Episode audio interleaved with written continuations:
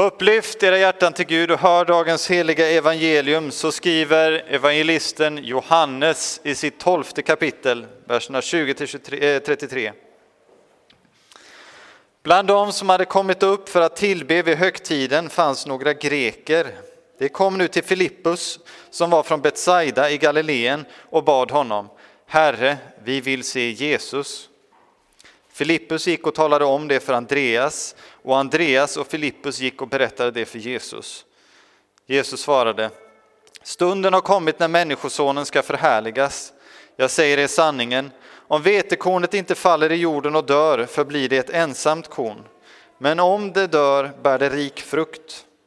Den som älskar sitt liv förlorar det, men den som sätter sitt liv sist i den här världen ska bevara det till evigt liv.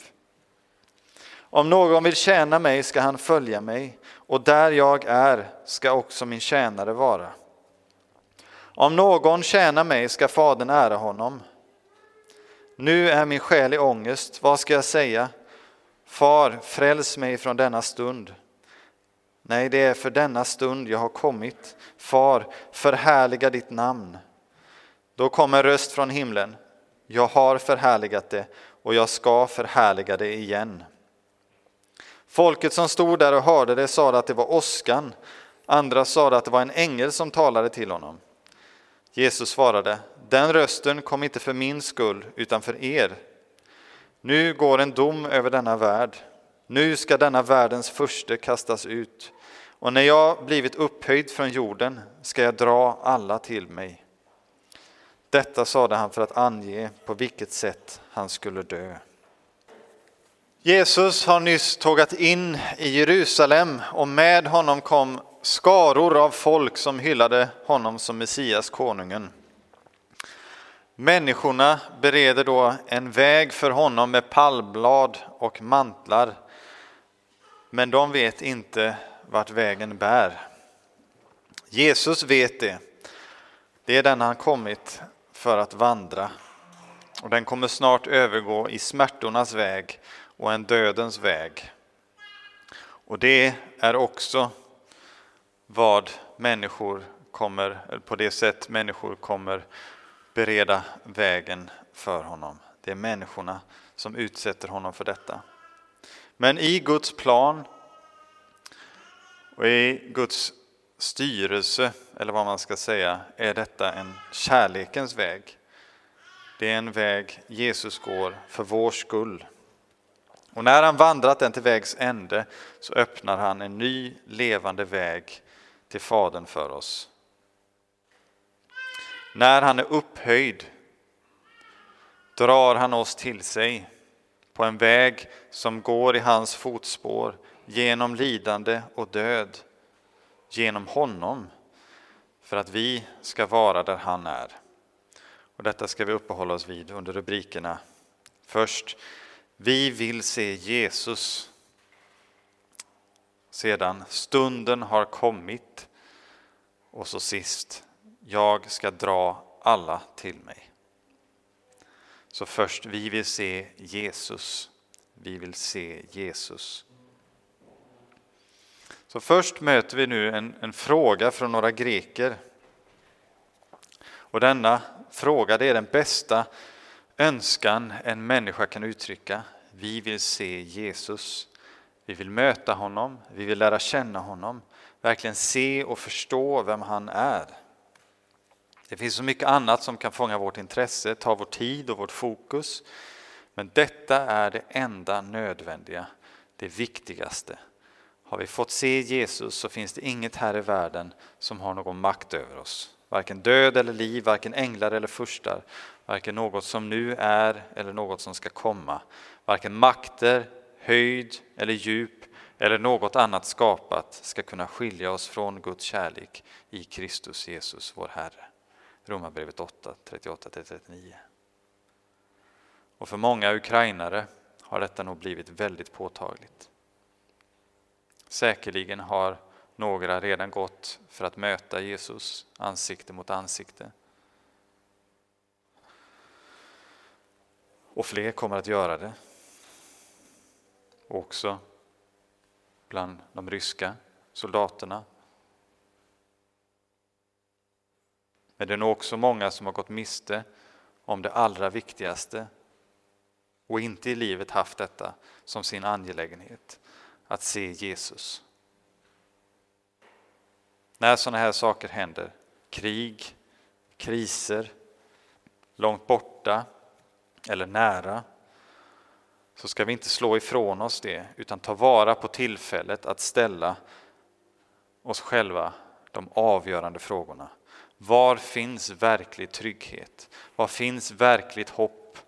Var finns verklig fred och frid när allting rasar runt omkring?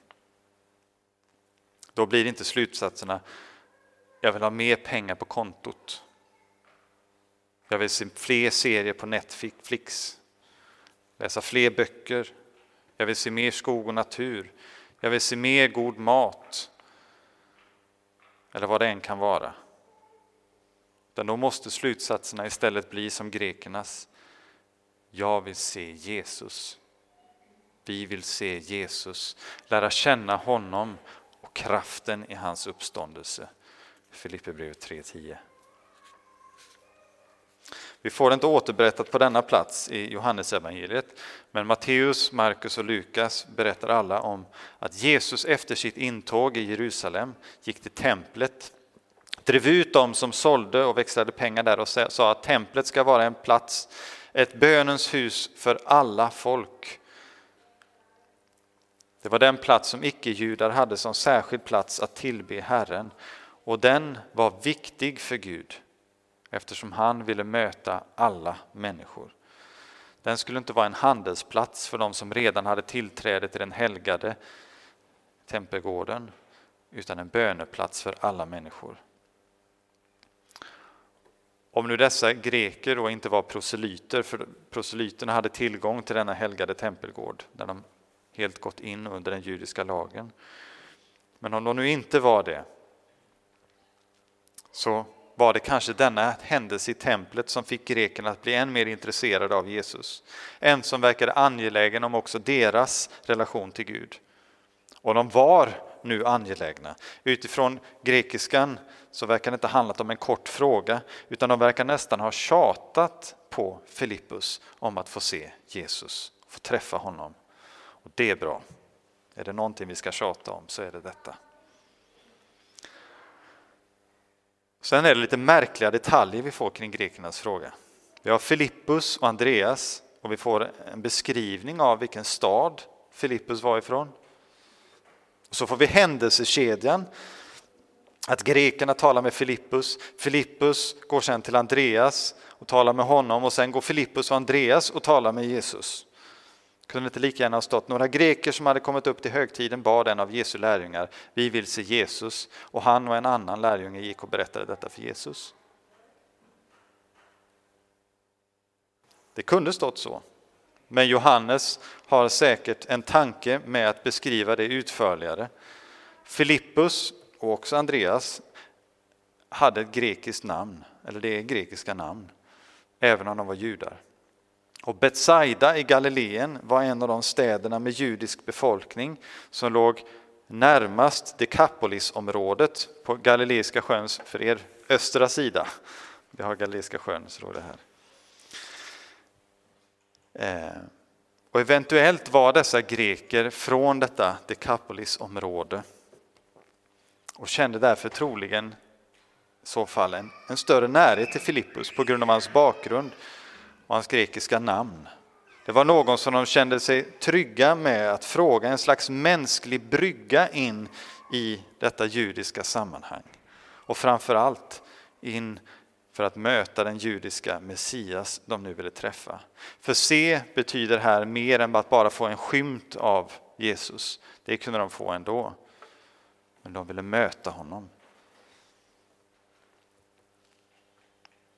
Men Filippus han går inte till Jesus själv, utan söker först upp Andreas. Och tittar vi på de ställena i Johannesevangeliet där Filippus dyker upp så blir vi kanske inte så förvånade. Han verkar vara på något vis en lite osäker person. När Jesus söker upp honom allra först och kallar honom att bli hans efterföljare så går han inte själv och följer efter Jesus utan han springer iväg och hittar Natanael. Kom med, kom med! Vid brödundret så testade Jesus honom och lärjungarna för att se vad de skulle göra och då är det Filippus som säger, jag fattar inte alls hur det här ska gå till att alla dessa människor ska få mat. Och senare, efter vår läsning, så har han svårt att förstå vad Jesus säger och ber, låt oss se Fadern, så är det nog för oss. Men Jesus säger då att han uppenbarar Fadern och undrar hur, hur Filippus kan du ställa en sån fråga efter allt du varit med om och sett? Och allt du har hört, som jag undervisat. Det verkar alltså vara något av en typisk sak för Filippus att han inte riktigt vet vad han ska göra med grekernas önskan utan behöver Andreas stöd på något vis. Vi har alla olika platser vi kommit ifrån, olika sammanhang vi rört oss i, olika kontaktpunkter. Man kan nog säga att vi alla är en del av det nät som Jesus talar om i en liknelse, himmelrikets nät.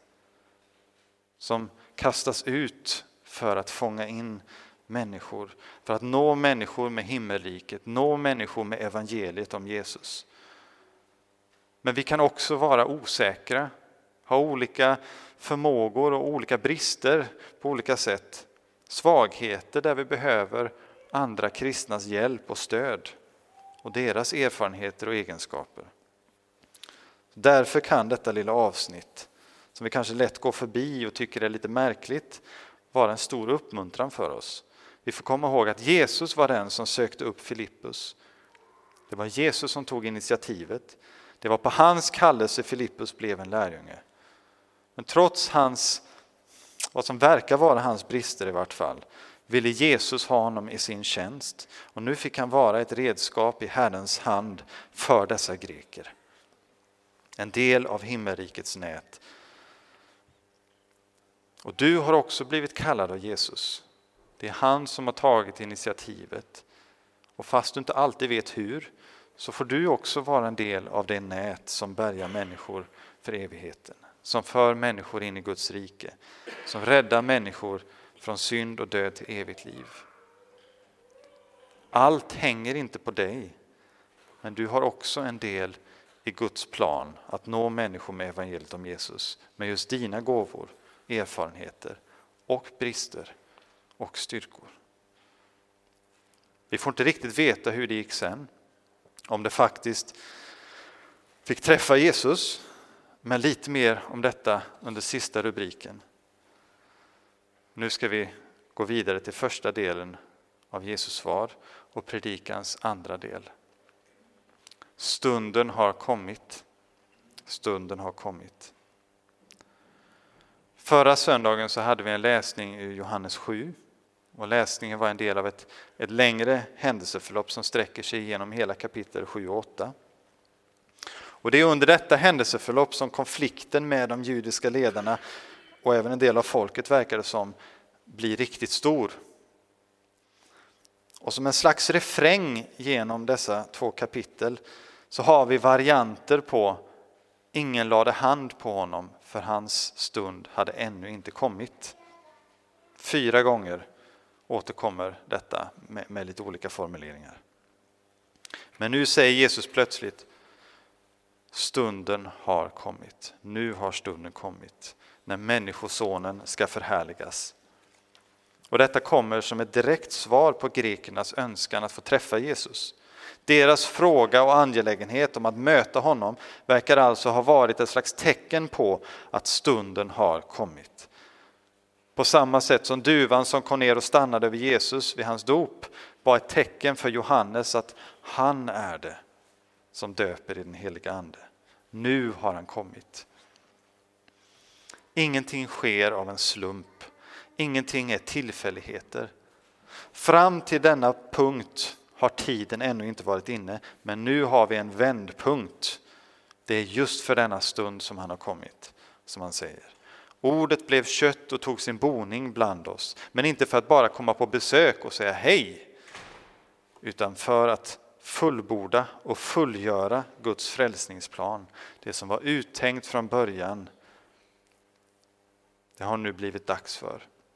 Stunden har kommit för Guds son att ge sitt liv för alla människor, också grekerna, också hedningarna. Det är inget oplanerat nederlag utan en planerad seger. Han går mot Golgata för att avväpna härskarna och makterna och göra dem till allmänt åtlöje när han triumferar över dem på korset. Kolosserbrevet 2.15. Världen kommer att se det som ett nederlag, ett Jesu nederlag, eftersom den bara kan se det som är rakt framför ögonen. Den kommer se vetekornet som läggs i jorden och dör. Men den förstår då inte att det kommer att upphöjas ur jorden och bära rik frukt. Världen kan inte se att döden kan bli början på något nytt, något större. Jesus han använder denna liknelse, denna enkla liknelse om vetekornet för att knyta an till något människorna har erfarenhet av. Det är fullt med liknelser och anspelningar och undervisning utifrån, vad ska man säga, vanlig sådd och skörd och växt, eh, växter i, i Bibeln. Alla hade erfarenheten av att detta till synes lilla livslösa eh, eller livlösa frö, där i finns potentialen till en stor växt som ger upphov till många nya frön. Mer liv, mer näring, men bara om det först dör och läggs i jorden. Jesus måste lida. Jesus måste dö, måste begravas för att kunna bära frukt. Genom sin uppståndelse ska han besegra döden, inte bara sin egen död, utan själva döden.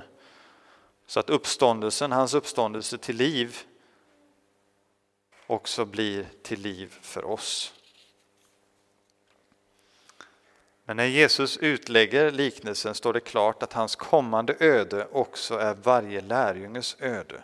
Lärjungen ska följa Jesus och vara där han är. Och Det innebär också att följa honom i lidandet. Det finns ingen kristendom utan korset, även om korset kan se olika ut för oss. Men korset är inte ett nederlag i väntan på seger. Det är inte förnedring i väntan på härlighet. Utan Jesus talar om korset som sin härlighet, som sitt förhärligande, där han ska upphöjas. Och här finns förmodligen en anspelning på Jesaja 52, 13 om Herrens lidande tjänare. Jag läser ett par verser till. Se, min tjänare ska handla vist, han ska bli hög och upphöjd, mycket hög. Liksom många häpnade över dig så ska hans utseende fördärvas mer än människors och hans gestalt mer än Adams barn. Så ska han bestänka många folk, bestänka, alltså rena, att helga och göra dem redo att möta Gud. Han ska bestänka många folk och inför honom ska kungar förstummas för de får se någonting som aldrig berättats för dem och förstå något de aldrig har hört. Just i hans upphöjande på korset, inte efter, är Jesus förhärligad, mitt i hans lidande. Och så får vi också förstå Faderns röst från himlen. Vi kan lätt tänka att förhärligandet, ja det är det som kommer med uppståndelsen efter korset. Men förhärligandet finns där mitt i skammen, mitt i lidandet, mitt i det som för världen och världens makter ser ut att vara ett nederlag. Därför fortsätter Johannes bara några verser efter vår lösning med att kommentera fortsättningen av profetian från Jesaja. Trots att han gjort så många tecken inför dem trodde de inte på honom. Så uppfyllde profeten Jesajas ord. Herre, vem trodde vår predikan? För vem blev Herrens arm uppenbarad? Kristus som korsfäst är en stötesten för judarna och en dårskap för hedningarna, säger Paulus. Och så är det också idag. Jesus var sänd av Fadern för att frälsa dem, rädda dem, men de trodde inte på honom utan förkastade honom och dödade honom. De fick inte ihop det de kunde se med vad de hade för föreställning om Messias. Och när de förkastade honom och dödade Jesus, då förkastade de också honom som sänt Jesus, Fadern. De förkastade Gud. Världen trodde där att den dömde Jesus genom korset. Men verkligheten är att korset blev en dom över världen, över dem själva och över denna världens första. Och så står korset idag också som ett segertecken. Ett domstecken, men också ett segertecken över världen, denna världens första och alla som tillhör honom och över synden. Men det står också där som ett tecken på Guds kärlek, hans kärlek till världen. En kärlek som går i döden för en värld som då var och nu är i uppror mot honom. Jesu kärlek är denna oförtjänta kärlek och korset uppenbarar den. Korset uppenbarar det Paulus skriver i Romarbrevet 5.8, att Gud bevisar sin kärlek till oss genom att Kristus dog för oss medan vi ännu var syndare. Därför är det också först när korset fått uppenbara vår synd och hur oförtjänta vi är av denna död, av, av denna, eh, eller hur förtjänta vi är av denna död, som, eh, som det också kan uppenbara Guds kärlek och hur oförtjänta vi är av den. Förtjänta av död, oförtjänt av Guds kärlek i Kristus. Men detta första var och är fortsatt en stötesten och en dårskap för många människor. Och samtidigt så är det redskapet Gud valt för att dra människor till sig. Och då kommer vi till predikans sista del. Jag ska dra alla till mig. Jag ska dra alla till mig. Alldeles före vår läsning så har vi fariséernas frustrerade formulering. Hela världen springer efter honom.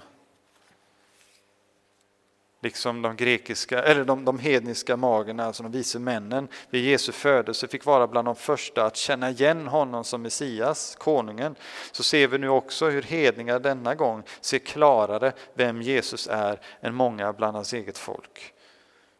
Och även om hans offentliga tjänst riktade sig främst till de förlorade fåren av Israels hus, hans eget folk, så har han kommit för att rädda alla människor undan den eviga döden. Men så verkar det ju som att Jesus ändå inte är så intresserad av att möta grekerna som frågar efter att träffa honom. Han verkar inte alls besvara frågan som Filippus och Andreas förmedlar, utan bara börja tala om sin kommande död. Och vi kan ofta uppleva Jesus svar så i Johannes evangeliet lite som goddag yxskaft, att han börjar svara på något helt annat.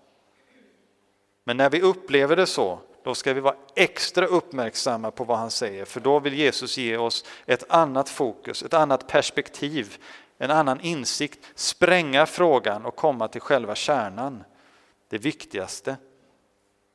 Och när vi förstått vad han vill säga då, så inser vi att han faktiskt också har svarat på frågan.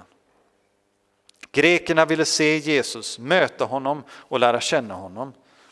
Men precis som det är väldigt tydligt att lärjungarna ännu inte förstått riktigt vem han är, varför han kommit och betydelsen av vad det är som snart ska hända, så kan grekerna ännu inte det heller. De kan inte se Jesus ännu, även om de får träffa honom. Det är många som talar om Jesus med beundran, om hans kärleksbudskap, om hans omsorg om de utstötta, om bergspredikans etik. Men den del av hans liv och gärning som är samtliga evangelisters stora fokus, vi kan tänka på att de fyra evangelisterna en tredjedel av det de skriver handlar om bara en enda vecka, denna sista vecka i Jerusalem. Den delen vänder man sig emot. Den kan man inte förstå, den vill man inte ha att göra med. Eller så undviker man det bara. Men det är bara genom att följa Jesus genom denna vecka, att förenas med honom i hans död, som vi kan förenas med honom i hans uppståndelse. Det finns ingen annan väg. Älskar vi vårt liv, alltså livet i världen och i gemenskap med denna världens första, djävulen, då kommer vår gamla människa att leva. Och den gamla människan kan aldrig bli en del av Guds rike utan måste för evigt leva skild från Gud. Och så är det också sant om oss, det som Jesus säger om sig själv. Om vetekornet inte faller i jorden och dör, då förblir det ett ensamt korn. Men om det dör bär det rik frukt. Dör vi med Kristus här i livet så har vi redan i hoppet uppstått med honom och är en ny skapelse som lever för Gud i Kristus. Och det är som så ofta ett nu men ännu inte. Vetekornet det är vår gamla människa som ska dö för att en ny människa dagligen ska framkomma och uppstå. En ny människa ska födas redan här på jorden. Men det är också vår förgängliga kropp som sås för att uppstå i härlighet på den yttersta dagen. Jesus säger i texten om de som tillhör honom, om någon vill tjäna mig ska han följa mig och där jag är ska också min tjänare vara. Detta är ett löfte från Jesus om att vi ska få vara med honom. Men i ljuset av sammanhanget får det också en nyans. Detta gäller också där Jesus är på korset. Också till korset följer vi Jesus. Och upp på korset.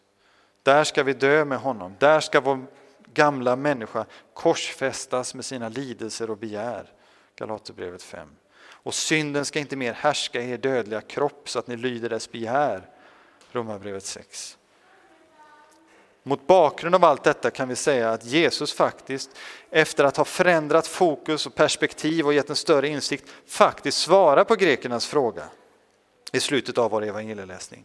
När jag blivit upphöjd från jorden ska jag dra alla till mig.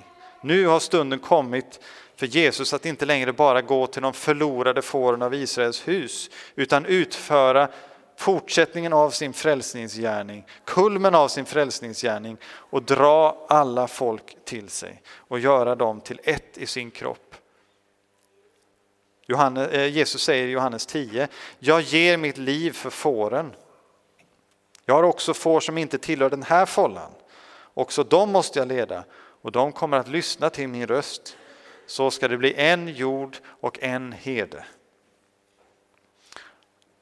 Alla här behöver vi förtydliga, betyder inte varje individ. Alltså med betydelsen att alla individer kommer att komma till tro på Jesus och bli frälsta. Utan alla betyder de människor lammet friköpt åt Gud av alla stammar och språk, länder och folk.